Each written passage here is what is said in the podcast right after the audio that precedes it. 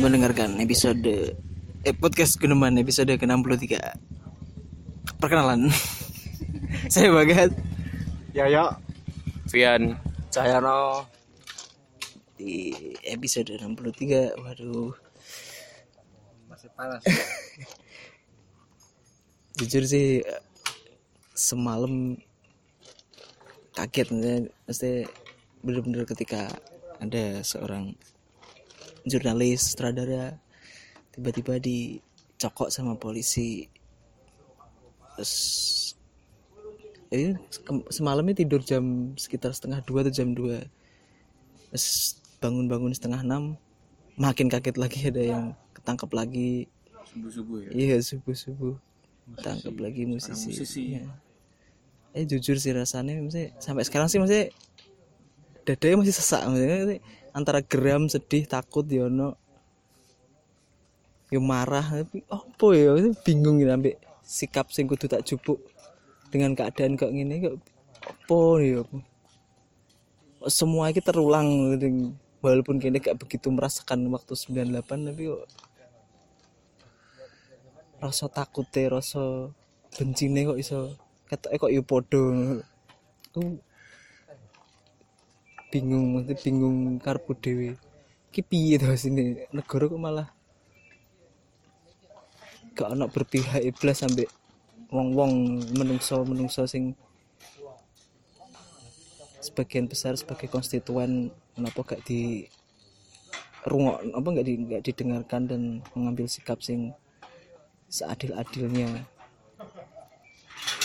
Ya mungkin kemarin juga apalagi sebelum si Dandi Laksono dan Anand- Ananda Barudu ditangkap ya mahasiswa di Sulawesi Tenggara juga tertembak mati. Ya kan ya kesedihan kesedihan kesedihannya terus apa ya eskalasi rasa ngamuk be sedih terus munggah terus eskalasi ini akhirnya saya aku jujur dudukku sesek pol sesek gitu Terus piye kayak kayak kayak panik attack nulis wah ki piye ya aku saya ning ndi yo negara kok malah ngene? Aku wis bingung karo dhewe dan apa ya dibahas apa nih ya nek ya?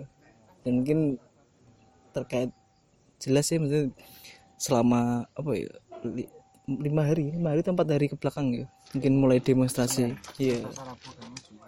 Iya lima hari ke belakang terkait tuntutan mungkin untuk revisi KUHP, KPK, terus mendesak segera mengesahkan RUU PKS. Dan sebenarnya selain minta perpu untuk RUU KPK sebenarnya UU ITE ini perlu di sini kayak perpu dan kan soalnya kan informasi di lini masa ya Dandi dilaporkan oleh polisi sendiri kan dia maksudnya yang padahal selama ini jargon jargon jargon mereka yang sedang menyusun RUU RUU KHP yo mengatakan bahwa ini delik aduan sing iso, di, iso dicabut. Tapi ini delik aduan sing melapor polisi dewe yo. Wis sapa eh, ae iso kena selama kene gak disenengi dan melawan be pemerintah dan kritis. Mungkin ya ya pengen berkeluh kesah lah boga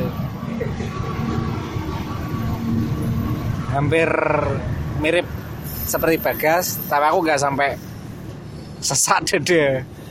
Soalnya ada beberapa apa ya pengalian. Jadi memang di media sosial aku yang paling mengikuti di Twitter tapi sangat banyak apa ya kabar berseliweran entah dari tweet akun apa akun pribadi akun seleb bos link-link berita nasional. Terus aku se- sejenak beberapa kali beralih di video lucu-lucu. Cuma ben nggak sepaneng aja. sepaneng soalnya semua terfokus di situ dan sangat eh, sangat apa ya aku lebih ke bingung kuwi dek nggone posisi ketika orang mengupload video foto tentang kejadian beberapa kerusuhan tapi di beberapa media online itu mengutip statement pemerintah sing bertolak belakang. Cuma ya sing sedih menyedihkan itu ketika aku tahuku siang sih siang. Bangun tidur siang.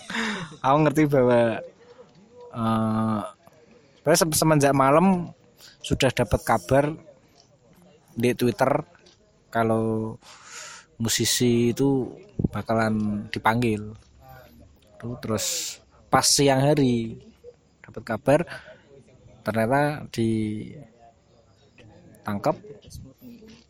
tertang tertangkap terus seorang founder Watchdog juga ditangkap ini langsung kaget tahu langsung dih dih dih dih dih. Langsung ngono kayak suruh itu kan dih dih dih dih ki dih. Jurnalis loh senior pengalamannya sudah banyak dan memang sikapnya eh, kadang sangat keras ya ketika debat dan menyuarakan pendapat pandangannya tentang kasus Papua sangat keras wes. Dan secara gamblang tapi memang jurnalis ya memang harus seperti itu dong. Soalnya memang ada eh, undang-undang pers yang benar-benar apa yang benar-benar tertulis secara benar kebebasan berpendapat. Uh, seperti itu.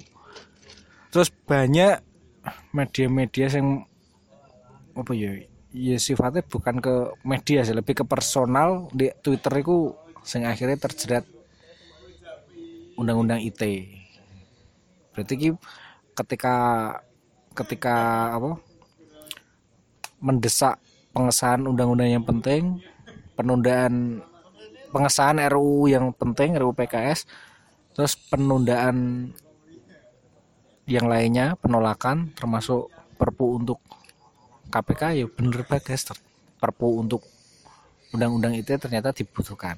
Dibutuhkan pada saat memang sebelumnya tidak begitu diperhatikan juga, cuma kan masalahnya sudah lama.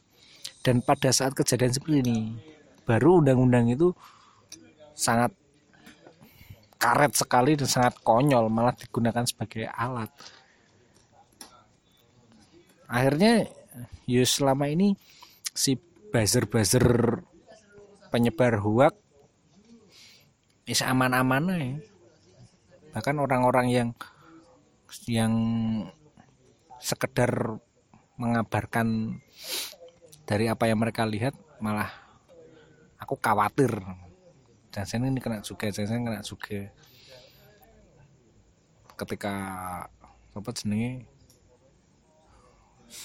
Menko Polhukam aku sangat apa ya konyol ya ketika membaca kenapa sih media tetap ngambil statement dari dia? Sudah jelas-jelas data di lapangan sama sekali nggak sesuai. Lalu sejauh mana tindakan pemerintah? Tapi memang sepertinya terus gini loh nggak perlu ada yang dilap, melaporkan pun. Terus ketok motor itu nggak nggak nggak nggak sesuai data nggak sesuai di lapangan nggak sesuai seperti keadaan. Boyo yang berwenang ini ngasih dia alarm loh dealing no tapi aku ada sedikit bahagia ketika membaca berita di media bahwa Komisi 3 DPR RI meminta presiden untuk mencopot jabatan Menko Polhukam. Tapi komen-komen netizen ya yes paham lah. Mungkin nggak ngerti itu memang bener niatan seperti itu atau sekedar meredam. Soalnya soalnya cara cara pemerintah meredam kan sangat halus, sangat cantik. Cuma meredam iki meredam iki. Toh ketika aku membaca berita ketika presiden mengumumkan mereka mau menemui mahasiswa di istana, tapi mahasiswa menolak. Di situ kan ada tulisan, ada berita juga yang pada saat itu ketika ditanya kasus founder Watchdog dan musisi yang ditangkap langsung memberikan ke Mensesnek langsung balik kanan mundur wartawan diserah, diserahi Mensesnek untuk menjawab berarti ada sesuatu yang apa ya? Ini memang nggak tahu nggak tahu selidiki dulu selidiki dulu. Yus ngomong ngono loh kenapa harus digantikan? Berarti timbul pertanyaan. Akhirnya semua nggak semakin nggak jelas dan semakin loh kok ini sih? Kok ini sih? Masalah sudah semua sudah tahu deh timeline gue sudah mengabarkan semuanya data-data keadaan itu sudah entah baik benar apa enggak tapi statement-statement pemerintah kok malah nggak ngono lu masuk nggak ngerti sih. Padahal video-video apa just dimention nol ditunjukkan ke mereka itu nggak ada tanggapan. Ketika uh, Dendi ini melalui tweet twitternya itu malah aku merasa terdidik terdidik bukan bukan bukan ujaran kebenciannya tapi terdidik melalui sejarah dan bagaimana strategi pemerintah dalam mempertahankan negara atau solusi-solusi lewat apa semacam mata kuliah hubungan antar pemerintah daerah karo hubungan internasional loh cara berdialog negosiasi.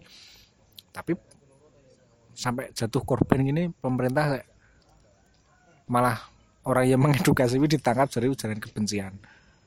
Sama sekali tidak membenci siapa-siapa. Cuma makin konyolnya ketika melihat statement pemerintah.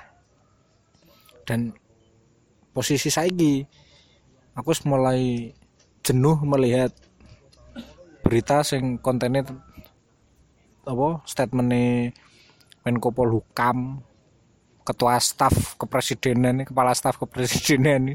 Semua males aku.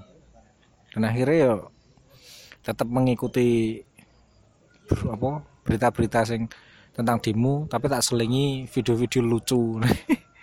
Terus ketika ada orang yang membuat lelucon terkait demo ini malah apa ya? Aku pengen semangatku ki terbakar. Karena ini sesuatu yang nggak beres dan harus dibereskan.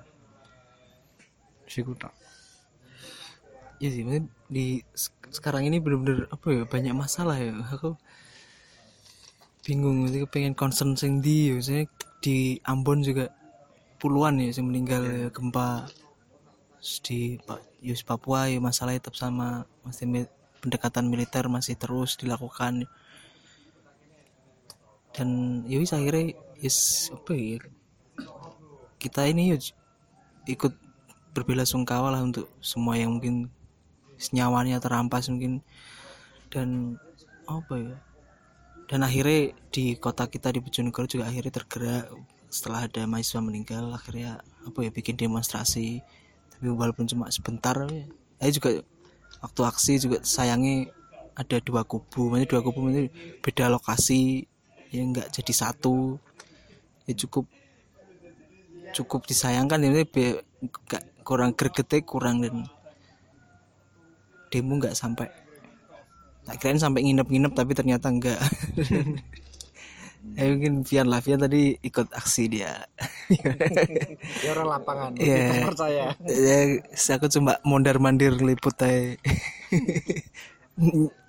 Baca situasi dan ternyata emang nggak nggak aman-aman aja. Dan nanti kepolisian udah mitigasi sedemikian rupa dia udah udah nyebar intel di mana-mana. Di aman. Bojonegoro ini? Indonesia gak ini? Kok aman? nih negara sudah gak aman kita masih aman. Gimana ya? Our government is a joke lah.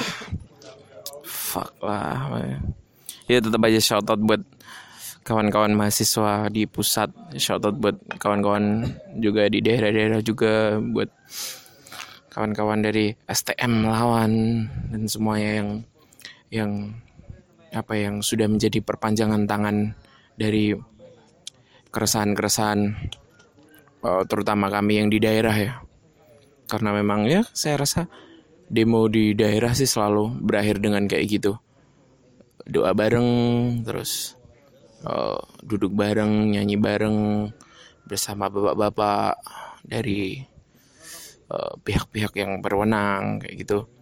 Tadi sih sebenarnya akhirnya pagi tadi sempat sempat waktu waktu ngantor dikasih link link grup dan dan apa ya dan selebaran untuk untuk gerak dari dari bagas ya. Terus akhirnya konfirmasi sama bagas gimana? Turun guys.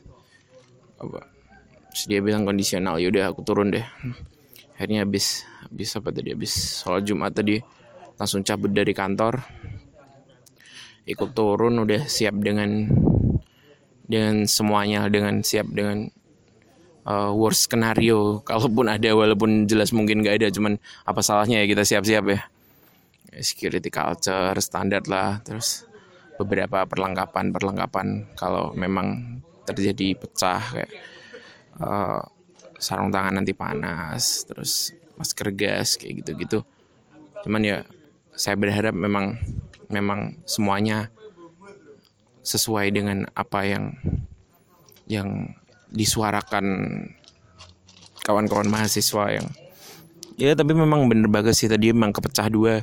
Yang satu memang uh, yang yang dibawa tentang isu kemanusiaan dan beberapa kawan-kawan yang meninggal. Semoga tenang.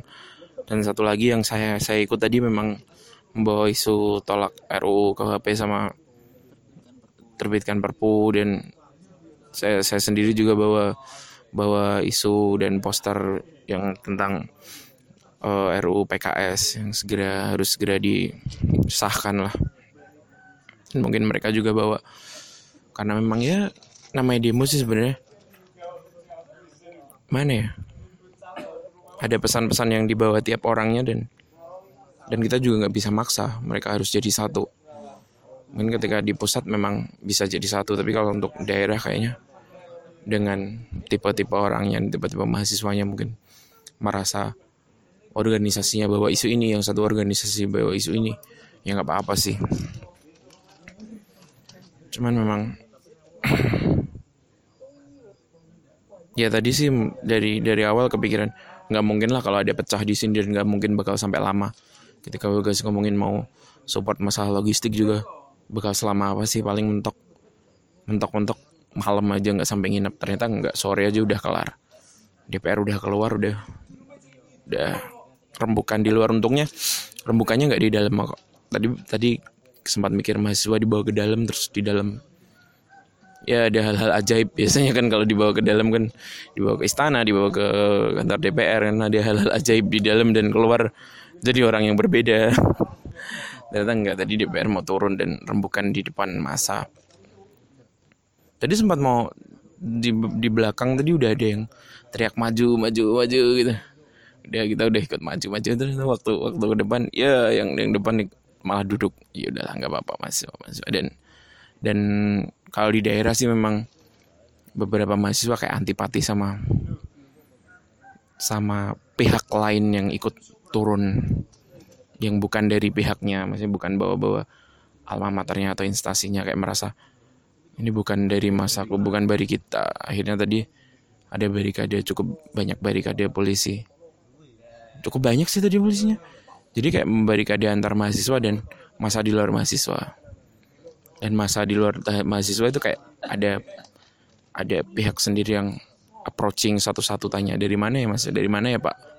Kayak gitu. Saya tadi sempat ditanya sih dari mana mas? Masyarakat gitu pekerja oh iya iya.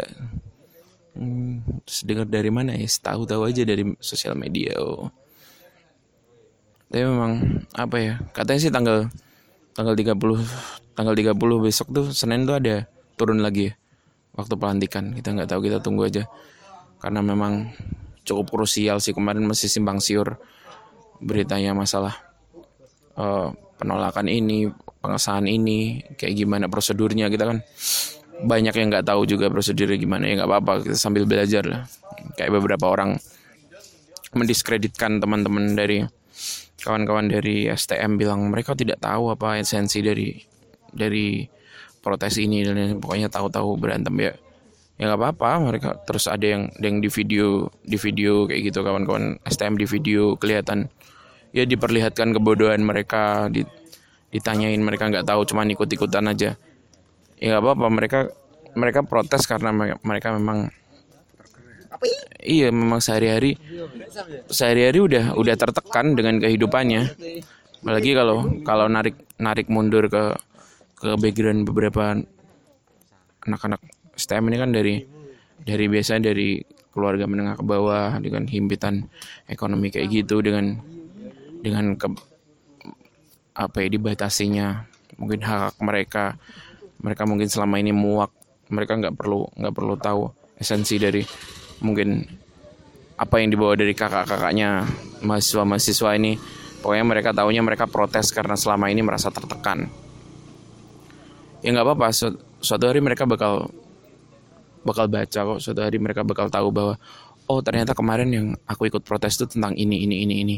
Mereka bakal tumbuh. Jadi ya nggak apa-apa sih nggak perlu lah mendiskreditkan mereka gitu sih semoga apa ya panjang umur aksi masalah jadi buat teman-teman yang lain yang mungkin merasa masih antipati sama aksi langsung turun ke jalan gitu dicoba lah menyenangkan. Banyak kok di di pusat juga banyak kemarin mbak mbak-mbak pekerja apa kemarin pekerja dari sindikasi yang memang datang terus masih pakai maskara blast on gitu dan merasa kalau aksi massa itu pengalaman yang cukup menyenangkan melihat keramaian melihat melihat orang dengan dengan apa ya dengan tegarnya memperjuangkan hak-hak orang lain di sekitarnya padahal dia punya privilege tuh kayak kita punya pandangan baru. Jadi nggak perlu alergi dengan hal kayak gitu. Gimana? Kerja ini? Awak media habis energi saya. Saya merasa habis energi saya. Kayak kuota data saya juga habis. Saya udah gak udah gak oh, apa ya entah-entahan ya. Tapi terima kasih ya buat kawan-kawan sing di pusat dan di daerah lainnya. Karena turun saya sempat berpikir di Tortuga sini nggak bakal ada hmm, nggak bakal ada aksi. Ternyata ya timbul aksi juga. Ya berarti terima kasih buat kawan-kawan yang di sini juga. Hmm. Aduh, apa ya? Pengen apa? Karo energiku entek energiku pandanganku. Pandanganku kelapa timeline aduh ya. Sebenarnya refresh refresh ya habis ya. Energi dan kuota juga habis sesungguhnya. Uh, ke sep, apa sekilas kayak dibalikan ke apa ke skrip naskah lama 98an ya sing apa akhirnya tersaut tersaut. Masih aku memposisikan juga memposisikan. Masih aku udah di statement ini. Apa? Kayak ditawarin skrip dan dan gak dikasih satu peran apa tapi dikon milih. Jadi antagonis atau protagonis Protagonis merasa kuwi saya uh, sekarang kayak gitu. Jadi aku kayak kayak ditawarin skrip dan p malah ini peran peran sing gitu sing you dan yo gak ono bener salah ya yo aneh jare karek tepat gak eh wem memain oh boy menjadi peran-peran iku mau ya tapi ujung-ujungnya pe di sub, uh, ditunda semua ya kabarnya? Iya ditunda semua. Karena PMB sing KPK nih tapi sing si anu ki anu sing ngapain di keamanan siber yo yo hmm. gak jauh beda mbak UIT wis. Hmm aku gak paham lah. Aku aku pun udah dites kehabisan energi apa marah-marah percuma lah. Wis aku wis piye ya guys iya Eh, undang RUU keamanan dan sipir siber siber. Oh cyber. KKS KKS oh RUU KKS iya sih. Soalnya ada ada salah satu secuil berita tentang seorang anak yang ngehack web Kemendagri. Ngakunya otodidak ditangkap. Di dia belajar. Ya kebetulan aja Kemendagri memang harus mana? Nek nanggapi Cahyono ini ada perbedaan di naskah 98 dan sekarang. Kalau di naskah 98 media nggak ada perannya. Kalau sekarang ada perannya. Tapi dibungkam dengan UIT soalnya ya oh, memang fokusnya fokusnya dari beberapa dari salah satu yang membuat kacau kan eh bukan membuat kacau sih yang membuat semuanya melek itu kan juga di mana? Di media kan yang membuat melek semua. Tapi malah bagian di situ juga ada eh, kasus hoak yang menggunakan UIT toh sejak awal pun banyak pers yang mengaku mendapat perlakuan tidak baik dari aparat.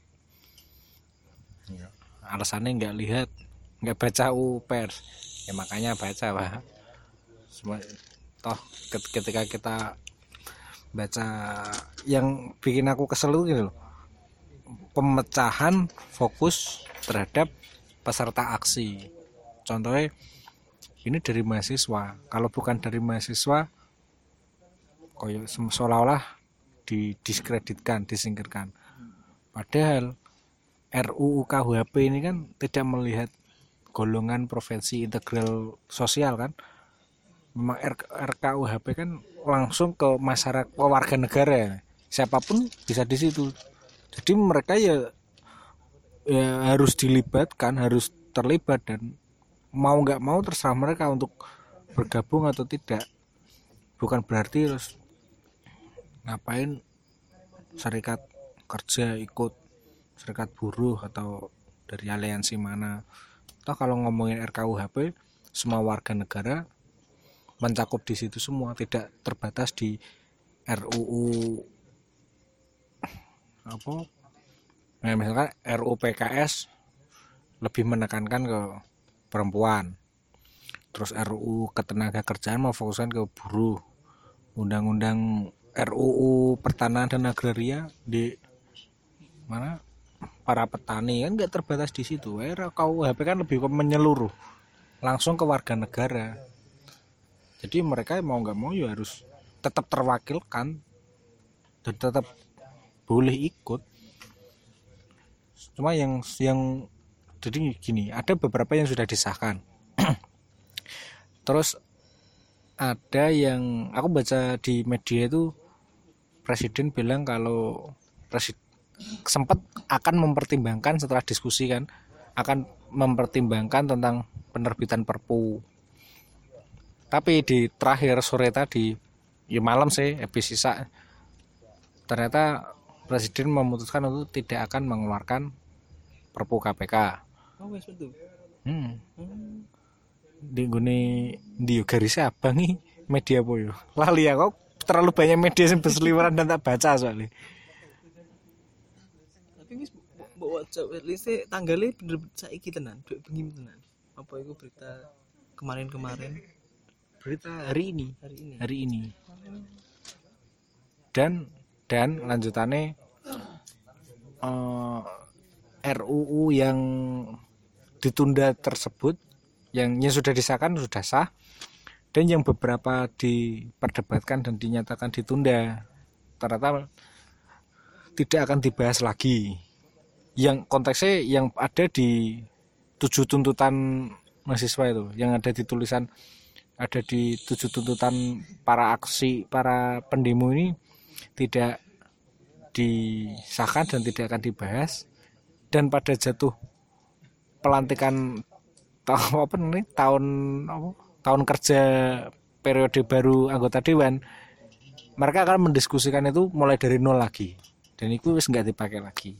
Kalau di media terakhir pas duduk di situ tadi sempat baca aku bahwa memang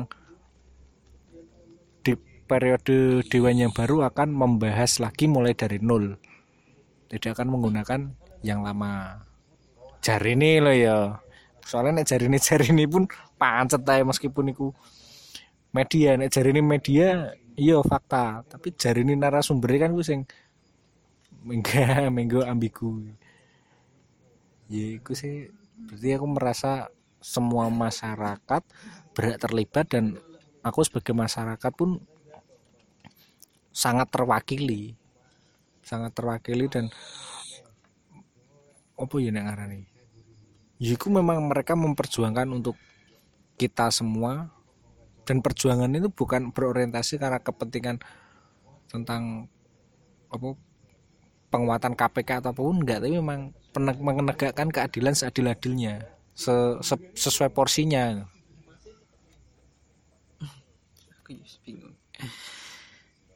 iya cu- cukup sangat mengherankan sih ketika melihat generasi Z kelahiran 98 99 yang orang-orang menganggap bahwa mereka yang terlalu individualis dan hobinya main game online atau apa tapi ternyata ya ujung-ujungnya mereka ya benar-benar merasa terusik dengan apa yang dibuat oleh pemerintah dan DPR apalagi sekarang kayak nggak ada oposisi ya. hmm? Udah udah ada negosiasi gak ada posisi yang bener-bener bersuara untuk mengkritisi presiden atau DP, dan di DPR sendiri yo ya kong kali kong untuk meloloskan undang-undang yang bisa paling nggak untuk mengamankan mereka. Dan penggiringan-penggiringan opini dari para buzzer istana yo cukup masif ya dan masyarakat makin bingung lah untuk mengambil keputusan bahwa opini mana yang bisa diambil. Aku ya serancu dan ya udah aku bingung. Apa pikir boleh bahasa boleh eh anu apa? Kan denger-denger dia dari kayak denger ya ngebaca berita yang seliweran kan pada nantinya tanggal 30 akan ada aksi lagi dan lebih besar. Soalnya beberapa oh, apa apa sih ini? Selebaran ya Bang?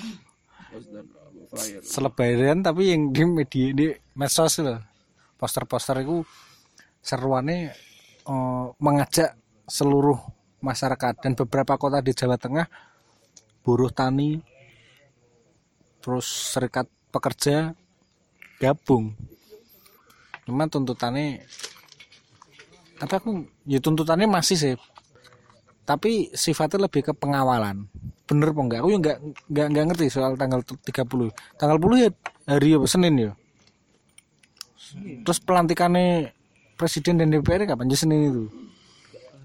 Entek paling entek masa jabatan paling masa ja- masa jabatan habis Oktober baru pelantikan paling. Oh iya, ya kurang paham sih. Cuma ada memang memang kalau di di berita itu jadwal rapat paripurna terakhir itu tanggal 30. Jadi mungkin pengawalannya di situ. Apakah benar-benar akan tuntutan akan dikabulkan? Soalnya ketika narasumber media ngomong yes, ya fakta yang diomongkan kan itu, tapi yang diomongkan itu fakta apa enggak kan enggak ngerti. Faktanya dia ngomong begitu, tapi yang diomongkan fakta atau tidak ya yang ngerti. Cuma yang bener-bener dari tuntutan itu yang jauh sangat mendesak ini yo. Lo kasus kebakaran hutan itu sangat mendesak. Cuma ket- ketolong kok ya delalah udan mulai udan. Dan alhamdulillah Bojonegoro yang semakin panas ini ya, tadi siang sempat gerimis sedikit tapi juga ngefek sih helmku juga terlesok Iya iya. Ya untuk kasus apa hutan ini sangat mendesak dan seharusnya ada orientasi gerak pemerintah untuk ke arah sana. terus kasus gempa di Ambon pada hari mulai kemarin ya Kamis ya hari ini kemarin Ke- kemi- kemarin juga ya? Itu ya sangat disayangkan ketutup kok ya beritanya ketutup sama media cuma tetap ada beberapa yang mengabarkan dan kami semua turut berduka cita. Tapi untuk masa depan tetap harus diperjuangkan di jalan aksi kali ini.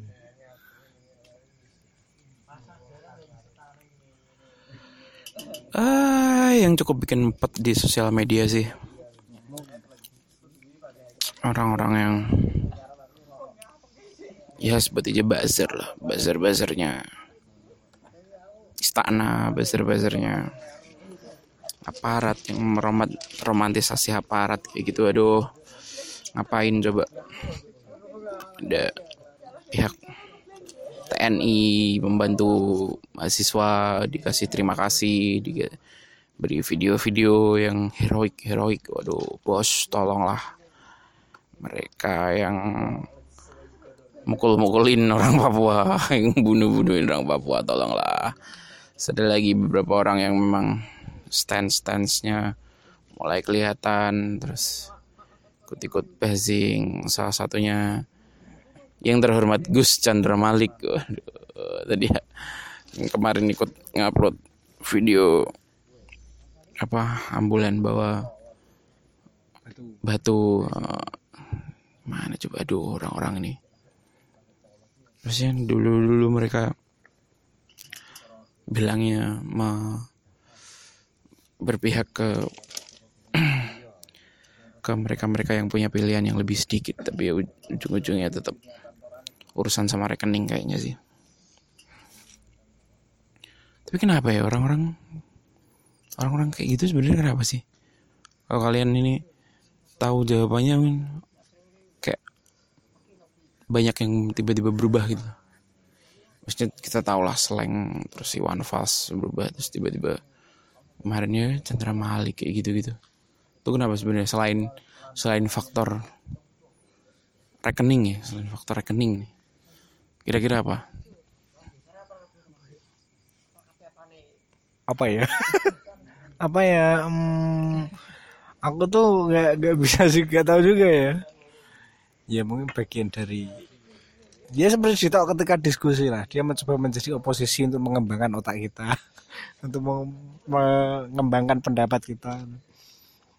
Ada eh, ya? Aku nganggep no mereka semua itu sebenarnya apa ya?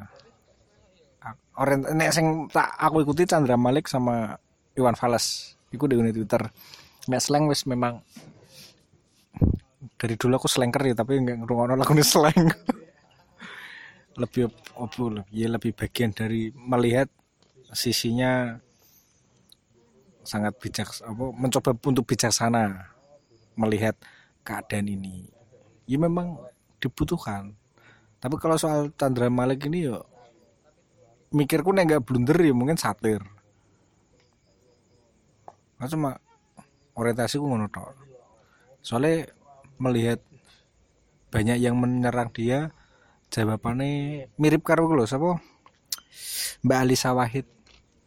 Dia selalu apa mencoba ketika ada orang yang menganggap nge-mention Twitter menganggap oh ternyata gini.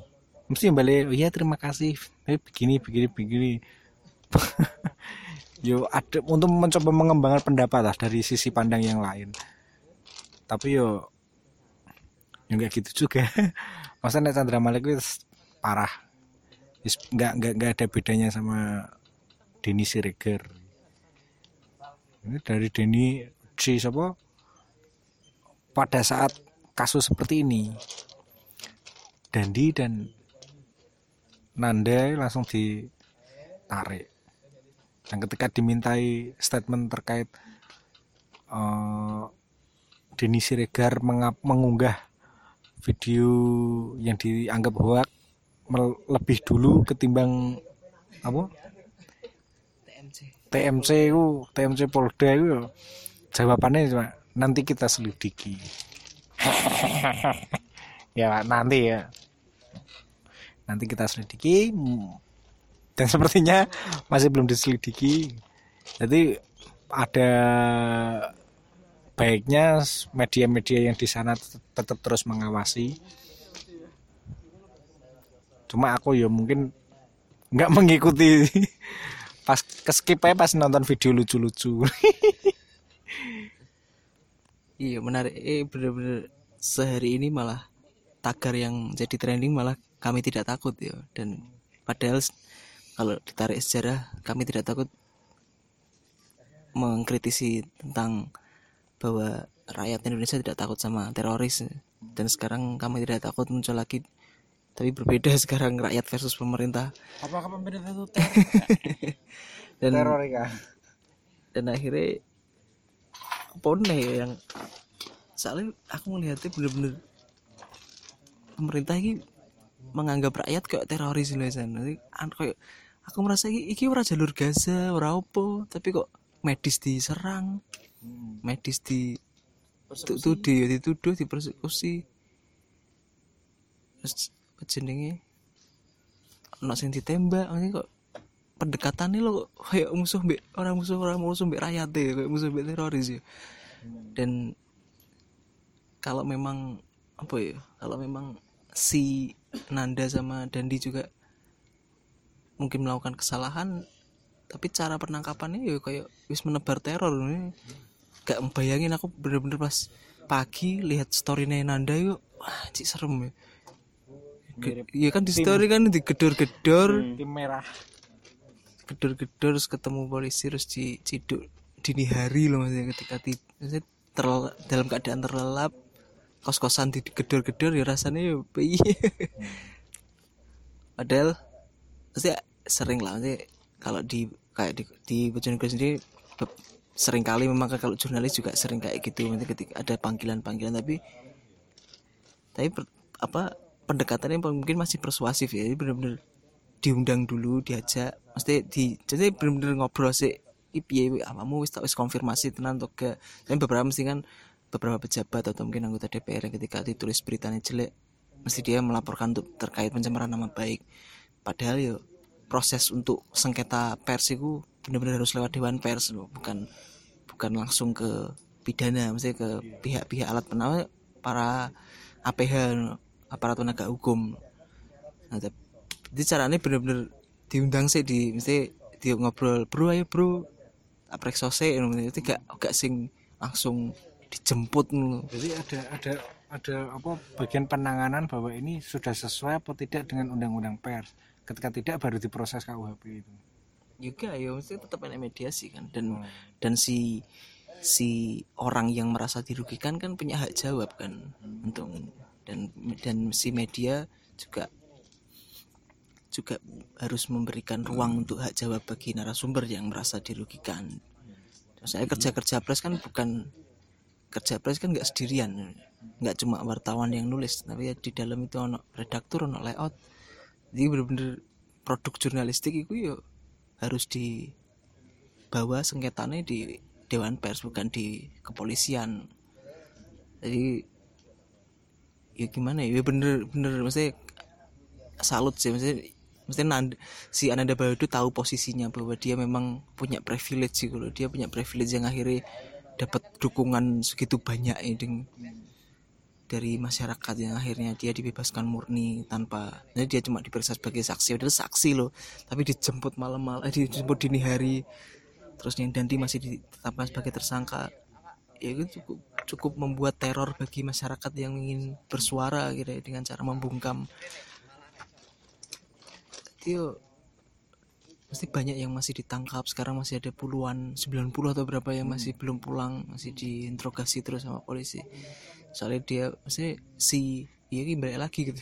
Orang yang sama ketika 98 dan ini orang yang sama ada Wiranto itu. Dan statementnya is nggak jauh berbeda bahwa mesti bahwa ini ada masa bayaran ada yang menunggangi. Ya wis speechless ya aku bener-bener aku marah-marah wis entek tenan wis. Aku wis males wis. Memang kalau kalau dari cerita-cerita teman-teman yang lebih senior yang mengalami masa-masa di 98 polanya hampir mirip no. dan caranya pun dikatakan mirip padahal perbedaannya perbedaannya kan masyarakat dulu masyarakat itu eh apa ya tahu dari proses di lapangan dan memang berdasarkan pengalaman langsung ketika media dibungkam dan tidak bisa mengabarkan fakta lapangan atau apa pun itu tapi berbeda dengan sekarang. Sekarang udah ada jaminan undang-undang kebebasan berpendapat undang-undang pers dan oh, ada media sudah bukan bebas sih lebih ke ada ruang untuk menyalurkan aspirasi dan semua masyarakat bisa membaca itu. Dan ketika masyarakat sudah tahu cara seperti itu sudah tidak apa ini? Setahu apa pada nambe omongane Pak Wir. Apa aksi-aksi ya, aksi-aksi itu sudah sudah nggak relevan lagi. Padahal cara yang dia gunakan itu ya nggak relevan dengan masa kini. Ya, gitu. Itu sudah tidak relevan. Ketika demo ya relevan memang caranya memang dari dulu caranya seperti itu toh. Cuma ketika ada aturan ada ada pengekangan terhadap kebebasan dulu demo sangat sangat apa nih sangat mengkhawatirkan sangat percuma juga demo cuma difasilitasi ruangnya saja tapi tidak untuk konteksnya. Dan pada saat ini dibilang demo udah nggak relevan lagi. Nah, karena semua media dan apa pun itu kita sudah bersuara di situ dan masih tetap sama nggak berubah keadaan. Dan caranya pun yang nggak relevan dengan masa kini ketika dia mengatakan mengabarkan Sopo yang barusan ini mengaku setelah apa habis ketemu dengan 70 BMSI ternyata yang di dari BEM nggak ada yang mengakui. Cuma strategi ini apa mahasiswa ini memang benar ketika dia menuntut ingin berdialog dengan Pak Presiden tapi menolak untuk dialog di istana. Karena memang perbedaannya di situ kita bisa meng, me, meminta untuk keterlibatan media. Kan siaran harus di ruang publik dan siaran secara live agar semua bisa melihat. Yang menuntut gak cuma mahasiswa sih menuntut rakyat. Secara Memang. umum. Oh, meskipun di Nah, bedanya ini, ketika mahasiswa yang mewakili suara rakyat, mereka berani untuk memilih di ruang publik karena kita semua terlibat. Berbeda ketika sebelum-sebelumnya yang selama ini membuat kita tertekan kan ketika Dewan Perwakilan membuat sesuatu rumusan tapi tidak ada masyarakat yang terlibat secara langsung. Bahkan yang dipertanyakan kan akhir-akhir ini kebelakangan penyusunan RUU dilakukan di hotel saat malam hari dan cuma berlangsung beberapa jam tuh. Itu kan yuk aneh. Kenapa di tengah malam dilakukan di hotel? Bahkan ada yang beberapa yang se, apa, banyak yang tidak datang, anggota yang terdaftar banyak yang tidak datang, tapi seluruh fraksi mengikuti. Berarti kan ada beberapa perwakilan dari fraksi. Orientasi ini ketika siapa wi ketua BEM UI mengatakan kita tidak percaya terhadap dewan pengkhianat rakyat kita tidak percaya dengan partai dan kepada seluruh media jangan men, istilahnya apa? Menunggangi. Menunggangi apa wi kemarin? Lupa aku.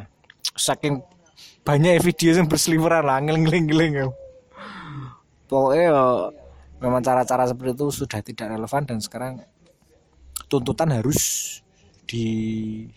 dikabulkan karena kita memang kita tidak butuh menunda kita tidak butuh diundur-undur lagi.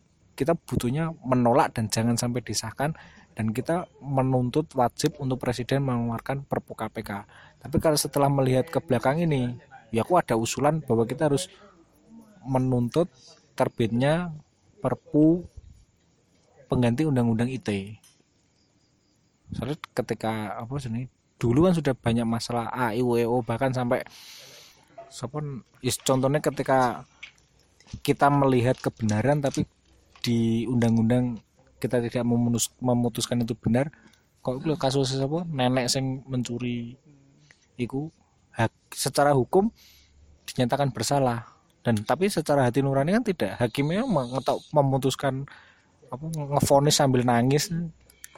Ini kan mes menyerang kemanusiaan bah- bahkan di lembaga peradilan itu menyerang kemanusiaan. Ya makanya mau nggak mau ini harus dipenuhi dan harus memulai dari nol lagi sebelum kita memulai revolusi dari nol lagi. Maksudnya seperti 98 kita tidak perlu sampai me- menggulingkan pemerintah mereformasi birokrasi. Toh ketika dulu direformasi pun dewanya ya itu, itu aja no. jadi memang harus undang-undangnya harus direformasi Iya sih. Mungkin kawan-kawan waspada sih sama propaganda yang tadi Vian bilang juga. Si TNI dan Polri memang sedang memainkan propaganda good cop and bad cop. Dan apa ya? Beberapa orang juga berusaha untuk mendel- mendelegitimasi aksi mereka, aksi massa para mahasiswa dan elemen masyarakat lainnya dengan meng- dengan apa ya dengan menyarankan untuk mem- apa, menyuarakan protes secara elegan.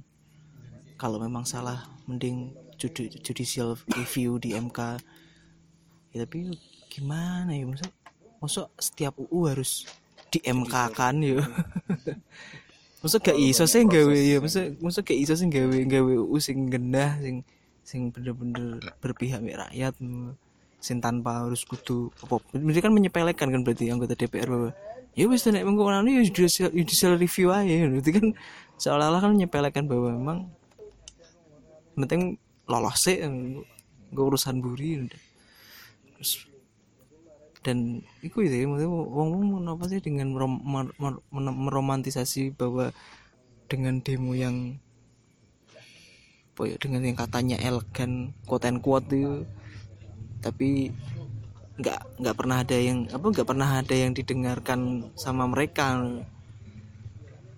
Saya tanpa nek nek memang iku berhasil. Ya wong bakal ngelakon iku terus kok ya. Ketika dengan cara sing elegan iku mereka mau mendengarkan ya mesti bakal Eh, tanpa nek desakan kok ini ya gak mungkin sih. Kok iso sampai akhirnya menunda walaupun padahal RUU KPK itu sebenarnya ya usulan pemerintah kan yang menunda ya pemerintah sendiri.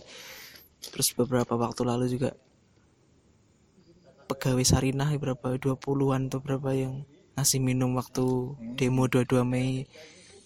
Ditangkap. Malah akhirnya difonis tiga bulan. Kan ya wis. Iki piye sih? Kemanusiaan ning ndi aku juga gak paham kok maksudnya. Iki deh iki kok iki padahal kini iki dipimpin oleh masyarakat sipil ya wong sipil tapi rasanya ora kayak wong sipil belas pada malah nek mau dibandingkan dengan presiden sebelumnya yang seorang purnawirawan tapi ya lebih nggak sampai segininya ya maksudnya. padahal sekarang dipimpin yang mungkin sengnya seharusnya bisa lebih menyuarakan masyarakat sipil tapi malah tapi ya balik lagi di belakangnya bercokol banyak jenderal yang mungkin punya banyak agenda untuk mengamankan asetnya mereka. Ya aduh iya habis lah kata-kata. Iya. Yang jadi cukup serem juga sih. Maksudnya kasus ketika kayak Mas Nanda terus Dendi Mas Dendi kayak gitu. Ini terjadi di ibu kota loh. Di ibu kota dan mereka orang yang punya banyak apa ya public figure lah gitu. Dia uh, dikenal banyak orang dan dan aparat nih dengan terang-terangan dengan dengan terbuka ngelakuin kayak gitu. Padahal padahal waktu Kamis sore kemarin presiden udah bilang akan berkomitmen pada demokrasi terus ternyata malamnya itu benar-benar langsung habis semua. Pupus semua ya rasanya wis kayak kayak wis kayak diputus cinta maksudnya kayak diputus pacar tenan. Ah kok, kok iso malah belenja nih janji tenan nih? Piye tuh aku wis gak paham aku wis gak belum paham. belum sampai 12 jam. Iya. Wah, ini Jakarta loh dan dan mereka orang orang public figure. Bayangin bayangin apa yang terjadi di Papua, apa yang terjadi sama kawan-kawan eh petani di Tulang Bawang yang dapat vonis 7 tahun. Maksudnya yang yang yang bukan siapa-siapa gitu loh. Ketika mereka tengah malam hampir pagi rumahnya digedor mereka nggak bisa vid instastory nggak bisa langsung nge-tweet. Saya di di itu Polda dijemput Polda. Nggak bisa mereka bukan siapa-siapa. Kita nggak tahu mereka siapa. Sih bayangin dan 2009 bayangin kalau 20 tahun yang lalu 98 kayak gimana? Nggak ada instastory nggak ada Twitter tiba-tiba hilang aja udah. Kita tahunya baru seminggu dua minggu lagi kok nggak pernah kelihatan nih ya, ya kok nggak pernah kelihatan nih Dito. Mana ke mana? Maksudnya hal kayak gini apa apa kita biarin? Gitu apa apa masyarakat bukan apa masyarakat merasa ini hal yang biasa gitu memberikan memberikan mandat kepada bapak-bapak yang terhormat ini untuk dengan dengan bebasnya tiba-tiba mencokol orang terus menebarkan ya menebarkan ketakutan lah teror ke orang-orang di sekitarnya. Saya mau dibikin mau, mau dibawa kayak gimana sih sebenarnya ini mereka ketika mereka selama ini kita kita kasih mandat untuk mengayomi. Untuk mengayomi tapi malah jadi kayak gini. Eh iya mau mau ditambah lagi mandatnya mau ditambah lagi eh, kebebasan mereka untuk ngatur kita. Apalagi yang apa RUU apa itu yang kita bebas untuk eh kita bisa aja jadi, jadi wamil. Saya mau apa mau orang-orang masyarakatnya apa mau ngasih ngasih mandat lebih ke mereka? Ya lah udahlah udah cukup nih negara dan dan kaki tangannya masuk ke ranah privat dan ngatur kita ngatur hidup kita. Ayolah bangunlah RUU PSDN Pertahanan dan Sumber Daya Nasional. Dan sumber nasional lah. sudah diketok?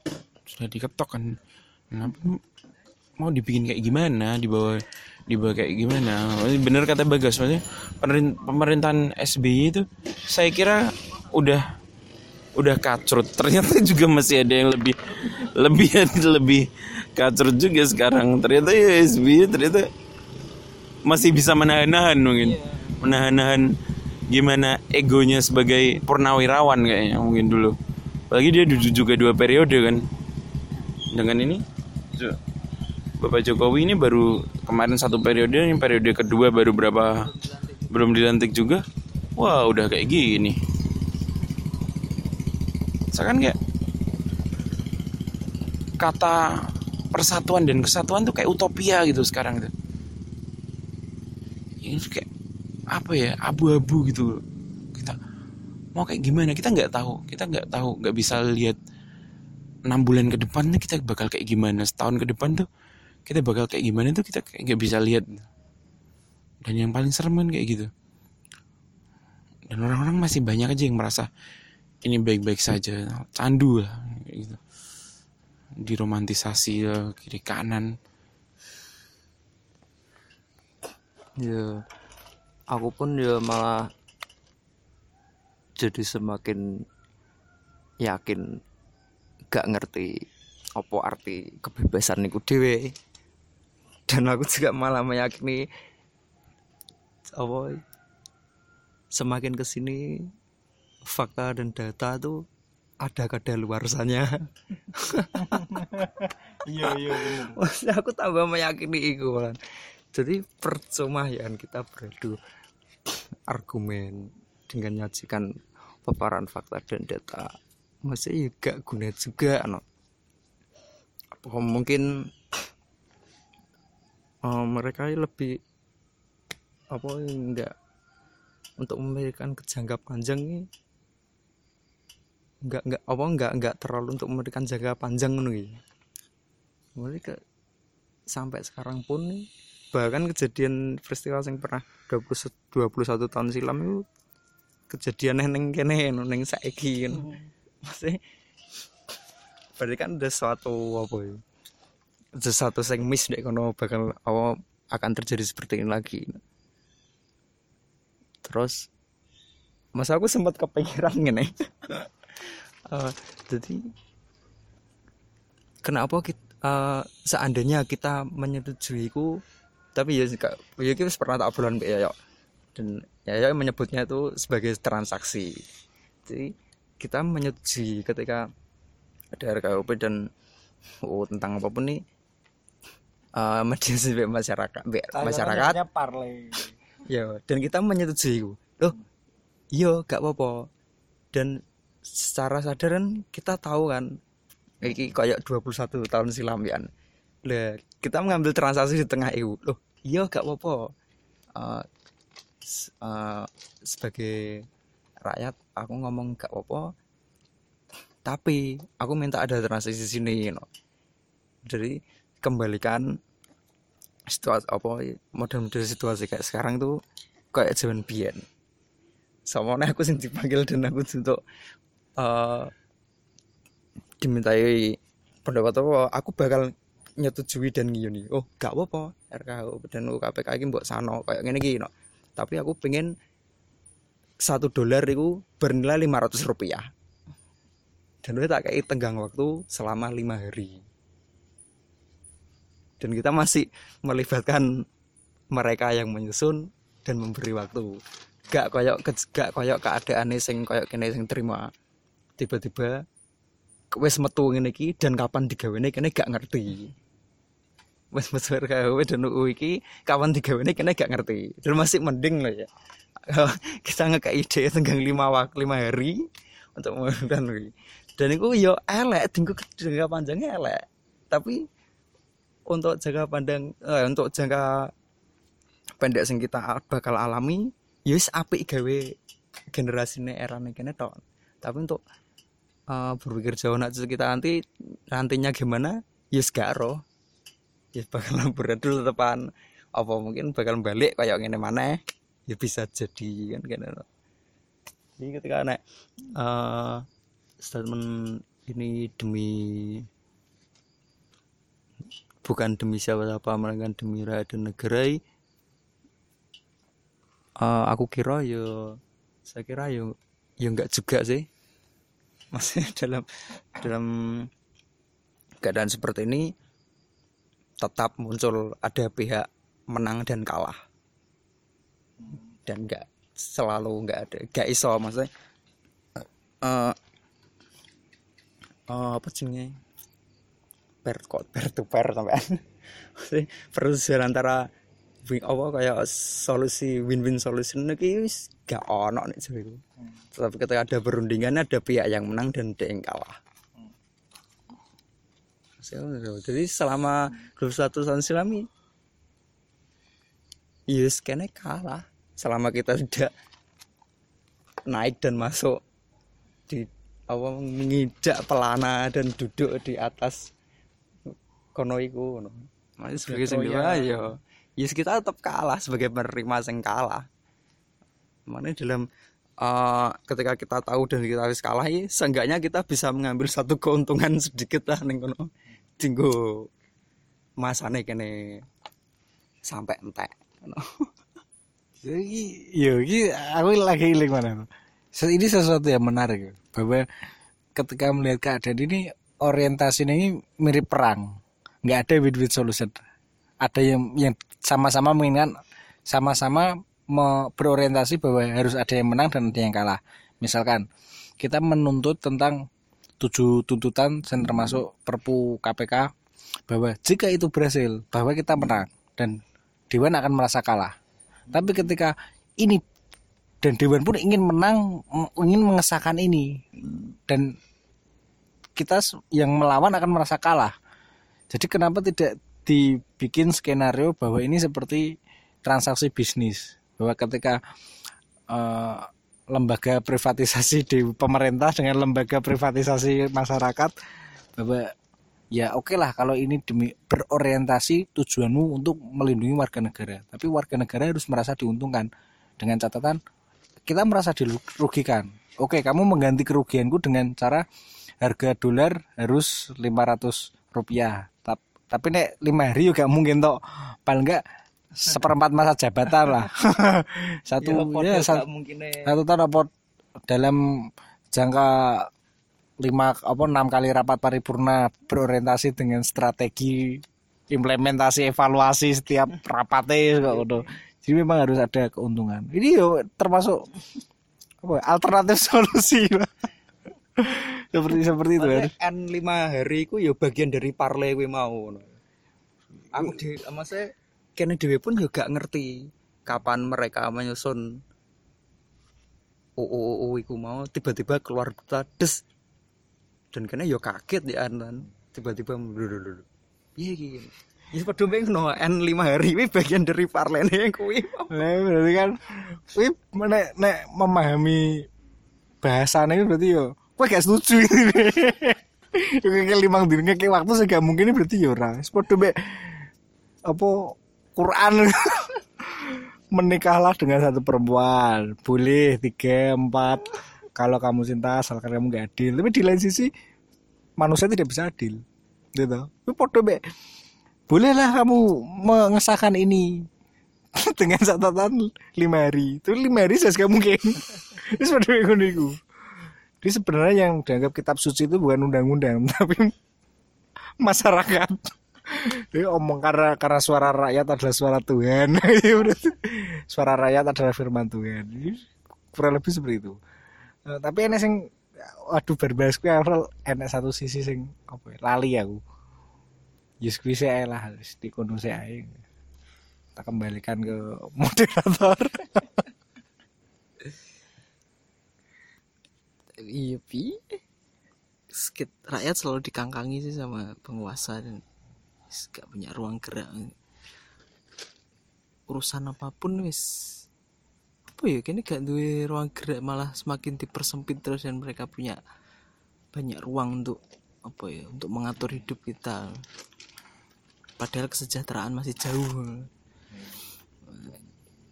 Kayak masih kayak terkait transaksional terkait untuk ganti rugi atau apa ya, ya gimana wong? Kayak urusan tanah untuk untuk pembebasan lahan ya kita bisa diakali kok ya. Pas ketika mungkin ada perusahaan yang mungkin belum apa izin amdalnya belum turun terus bikin kerusakan alam yang mungkin menyebabkan orang tergusur ya ganti ruginya ya gak mungkin layak. Ya, dan apalagi sekarang ada perpres yang terkait pengadaan tanah untuk kepentingan umum bahwa yang akhirnya sertifikat hak milik kalian juga nggak akan punya harganya nggak nggak nggak.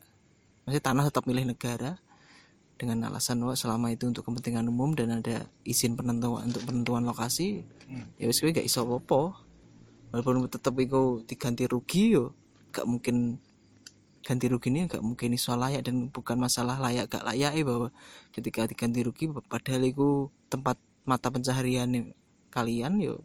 Terus piye yo ketika sing dituku iku sawah terus akhirnya dibangun apa? Terus kowe mergawe apa? Walaupun kowe diganti rugi yo. Apa kowe bakal iso survive maneh dan padahal wi keahlianmu ya cuma untuk bertani atau berkebun. Ya akhirnya yuk gak gak se gampang yuk kan. Maksudnya negara, negara selalu menyepelekan hal ngono iku pada ya walaupun di sisi lain mesti banyak sih undang-undang sing memang kayak undang-undang pers kan benar-benar udah udah bagus lah maksudnya kayak maksudnya ya undang ya emang udah bagus. Nah. tapi yo kenapa orang orang-orang yang memiliki apa ya memiliki kuasa memiliki apa wis kenapa gak tahu ya apa apa angel ya angel tenan ya berarti ya berpihak nih rakyat itu wangel ya berarti ya sebuah challenge bagi mereka ya gak iso. Nambahin Iya. sebelum sebelum terlupa Wis ketemu mana bahwa sebenarnya di gone RUU ini eh, ad- ada beberapa pengamatan ya pengamatan. Salah satunya sing, sing aku menganggap lucu itu sing video ini siapa? Pengacara kondang itu. Hotman, pengacara kondang itu. Dia mengunggah video bahwa di sini ada sesuatu semacam oke tujuannya bagus, tapi di situ ada yang dikhawatirkan pasar karet, pasal karet itu kan ketika logikanya nggak masuk. Sing iku loh, apa? Eh, orang yang terlibat dalam suatu kasus yang memiliki peran tidak penting bisa dihukum mati dengan masa percobaan 10 bulan. Nah kan ketika peran tidak penting tapi kenapa dihukum mati? Nah, terus ada beberapa sing miss sing opo aku nganggepnya kecolongan dengan undang undang-undang pe, apa, pertahanan dan sumber daya nasional. Itu ada di gune cut- hari ini tadi sudah dibahas sama tweet militer featuring akun apa no? Yang akun yang featuring itu yang membahas. Cuma aku nggak nggak terlalu baca banyak soalnya terlalu serius dan panjang. Cuma ada bagian yang dianggap logikanya nggak masuk, yaitu ketika ada wajib militer tapi sifatnya sukarela. Iki wajib militer tapi bersifat sukarela. Di sini logikanya nggak masuk. Nah, ketika orang mau mengatakan, "Loh, kamu jad- dijadwalkan ini wajib militer." Loh, ini wajib. Gitu itu sukarela ya. Ini wajib. Kamu menjalani menjalaninya secara sukarela. Ya pas menjalani bukan memang ingin wajib militer. Kan ada suatu miss loh. Nah, ketika ada juga pembahasan bahwa di undang-undang ini hmm, dimungkinkan untuk melakukan penggusuran untuk kepentingan pertahanan negara. Yes, aku orientasiku seperti urut sewu lah. Jadi ketika soalnya di kan ada aduh ya aku lali aku ada tiga bagian jadi ada pak ya anggap aja pasukan lapis pertama itu tentara pasukan lapis kedua itu masyarakat dan sumber daya mineral ada pasukan cadangan pasukan pendukung dan di pasukan cadangan pandu, pasukan pendukung itu masuk di dalamnya eh, sumber daya alam sumber daya energi itu tergolong di situ berarti akan ada terjadi penggusuran lahan-lahan ketika dibutuhkan untuk kepentingan militer. Nah, itu hampir mirip dengan undang-undang ini mau ya penyediaan lahan untuk kepentingan umum. Dan yang dikhawatirkan, dikhawatirkan suasananya nanti akan kembali ke era sebelum PSBY, di mana Banteng Merah berkuasa. Berita kan mesti di sini penggusuran, penggusuran, penggusuran, penggusuran. Yus podo iku karena ma- ma- eranya Banteng Merah ya penggusuran iku. Makanya nggak sampai dua periode. Nah, ya yang tak nih, nanti coba-coba coba teman-teman cek deh gue Twitter eh akun aduh aku lupa. Agak pokoknya sing cek aja di tweet militer. Di situ nanti ada pembahasan dari teman-teman yang cukup ahli di bidang pertahanan itu. Dan aku nganggepnya ketika menanggapi bagas ini eh, kenapa susah menganggap rakyat sebagai sesuatu yang apa ya objek yang harus dibangun harus disejahterakan?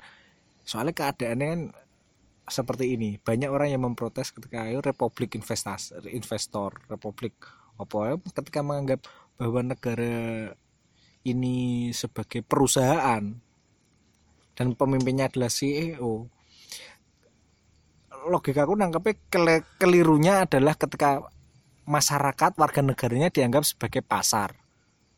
Jadi kita transaksi jual beli kamu aku dagang iki sing lemah mbok tinggali enek iki iki sing tak dol nang kowe kowe butuh gak butuh ya tukumu mau gak mau nang aku.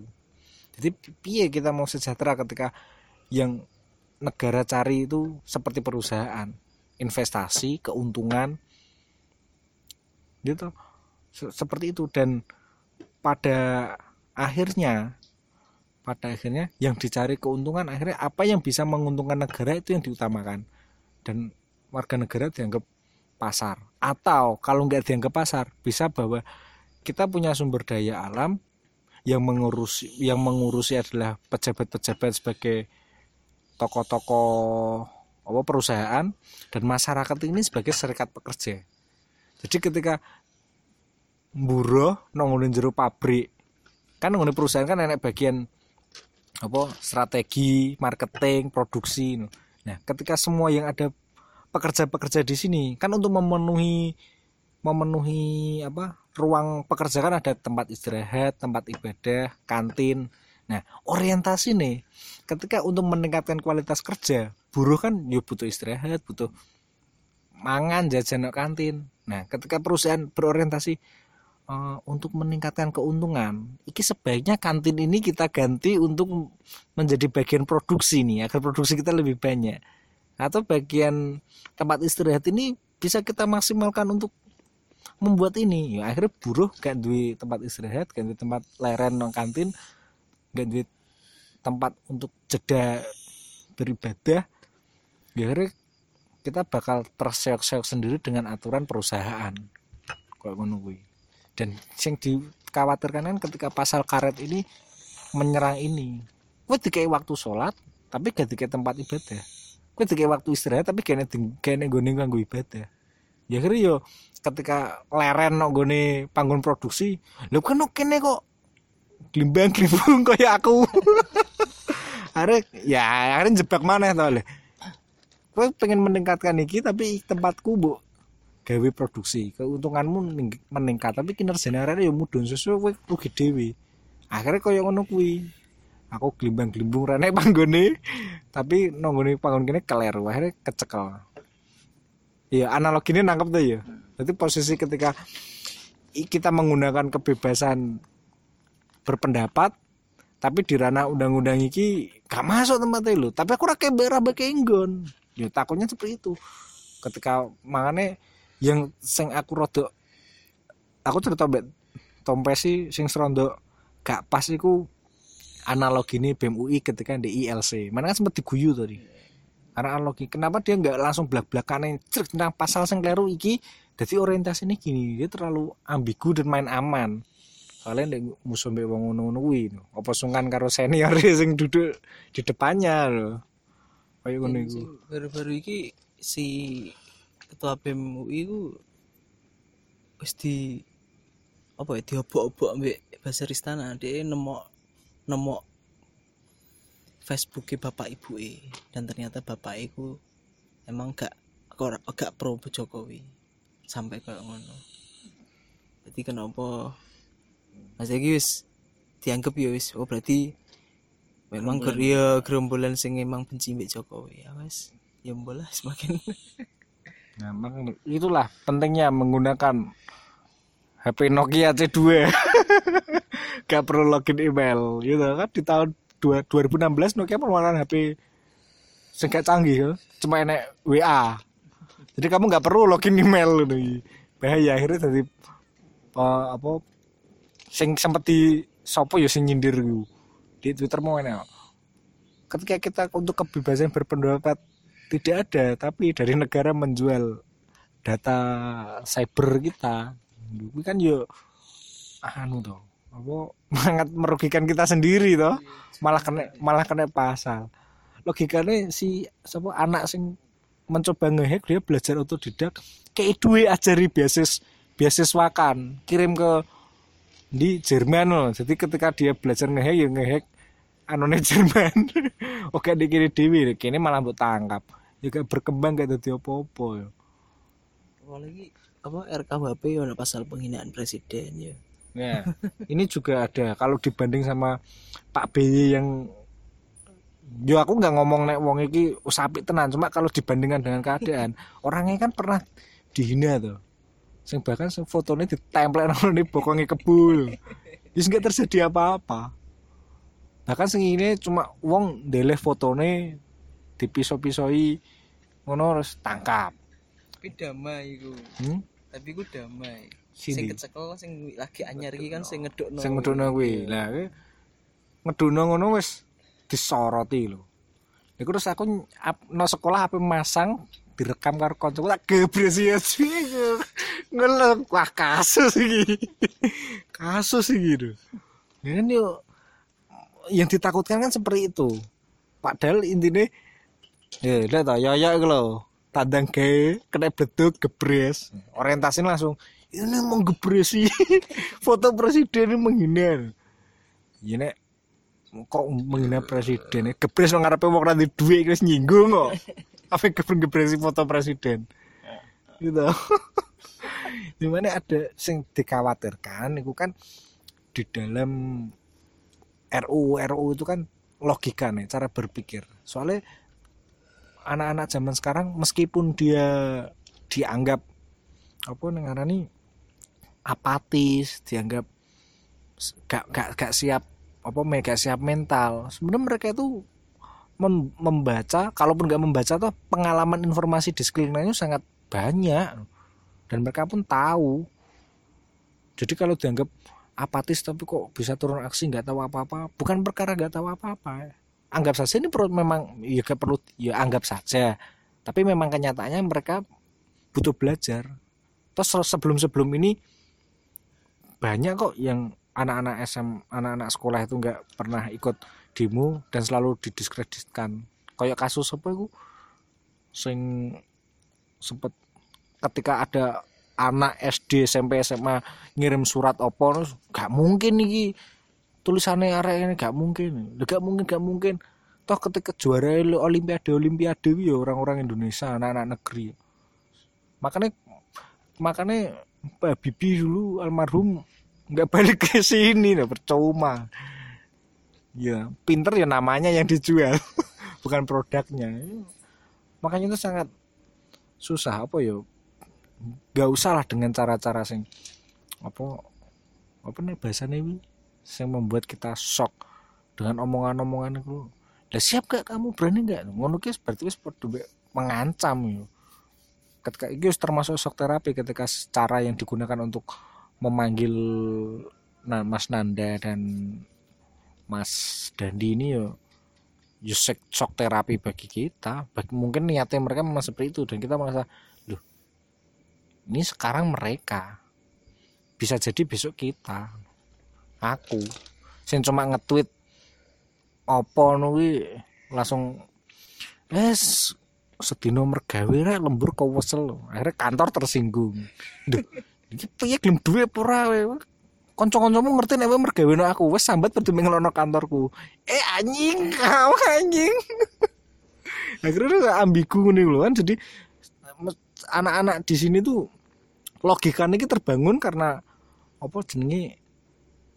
Dapat banyak informasi. Mereka meskipun mereka sering ngegame sering ngegame ngegame kumpul-kumpul gitu akan ada arus informasi di situ.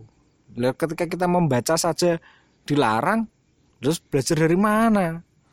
Ini gak melawan. Cuma butuh melawan sistem kan butuh cuma pengen bisa membaca buku itu menambah pengalaman menambah informasi. Cuma desakan-desakan ini kan sebenarnya bukan karena RUU-nya tapi memang keadaan lapangan tuh selama ini memang gak baik-baik saja ini kan waris logikanya ini harus harus mulai terbangun dan pemerintah juga kudu mikir secara logika bahwa generasi penerus bangsa itu coba omong nonek SMK ini generasi penerus bangsa. Ketika nggak sah nggak sah ya SMK siapa senggawi SMK itu kudu demo. Lejar ini ini lima tahun tenan luwih lima tahun loh jadi ini mereka harus demo terus gak dianggap saya SMA ropo lho mesin mobil pak weraro mesin kayu. Ngono iku. Eh. Sebagai pengusaha mebel harusnya bisa buat kabinet yang baik. Kabinet head kabinet. Mebel jadi untuk semuanya lah untuk semuanya aku uh, mengingatkan saja mas yang tidak bisa yang turun aksi tetap konsisten kita semua mendukung.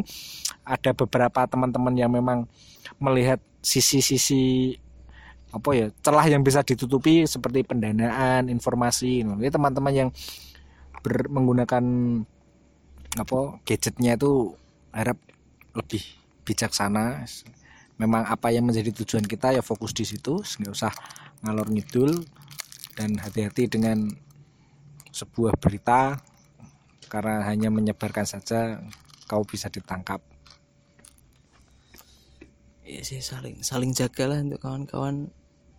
Aku juga kaget sih ternyata Dandi itu udah berkeluarga. Dan yang berita yang diwawancara istrinya. Makanya gue kan yo berarti kan dia security culture serius bener-bener dia juga pengen per nggak pernah memblow up istri atau anak atau apa ya yo ikulah maksudnya di era sekarang yang memang, kalian mungkin masih butuh eksistensi tapi yo mulai untuk berhati-hati lah bahwa memang sekarang di dunia internet ini benar-benar banyak yang harus kalian jaga lah bahwa sidik-sidik itu mudah. Iya. Mudah sekali. Jejak digital itu yos perlu diakali terus lah pokoknya. Ya sih. cukup kita untuk ngobrol ngalor ngidul ini. Terima kasih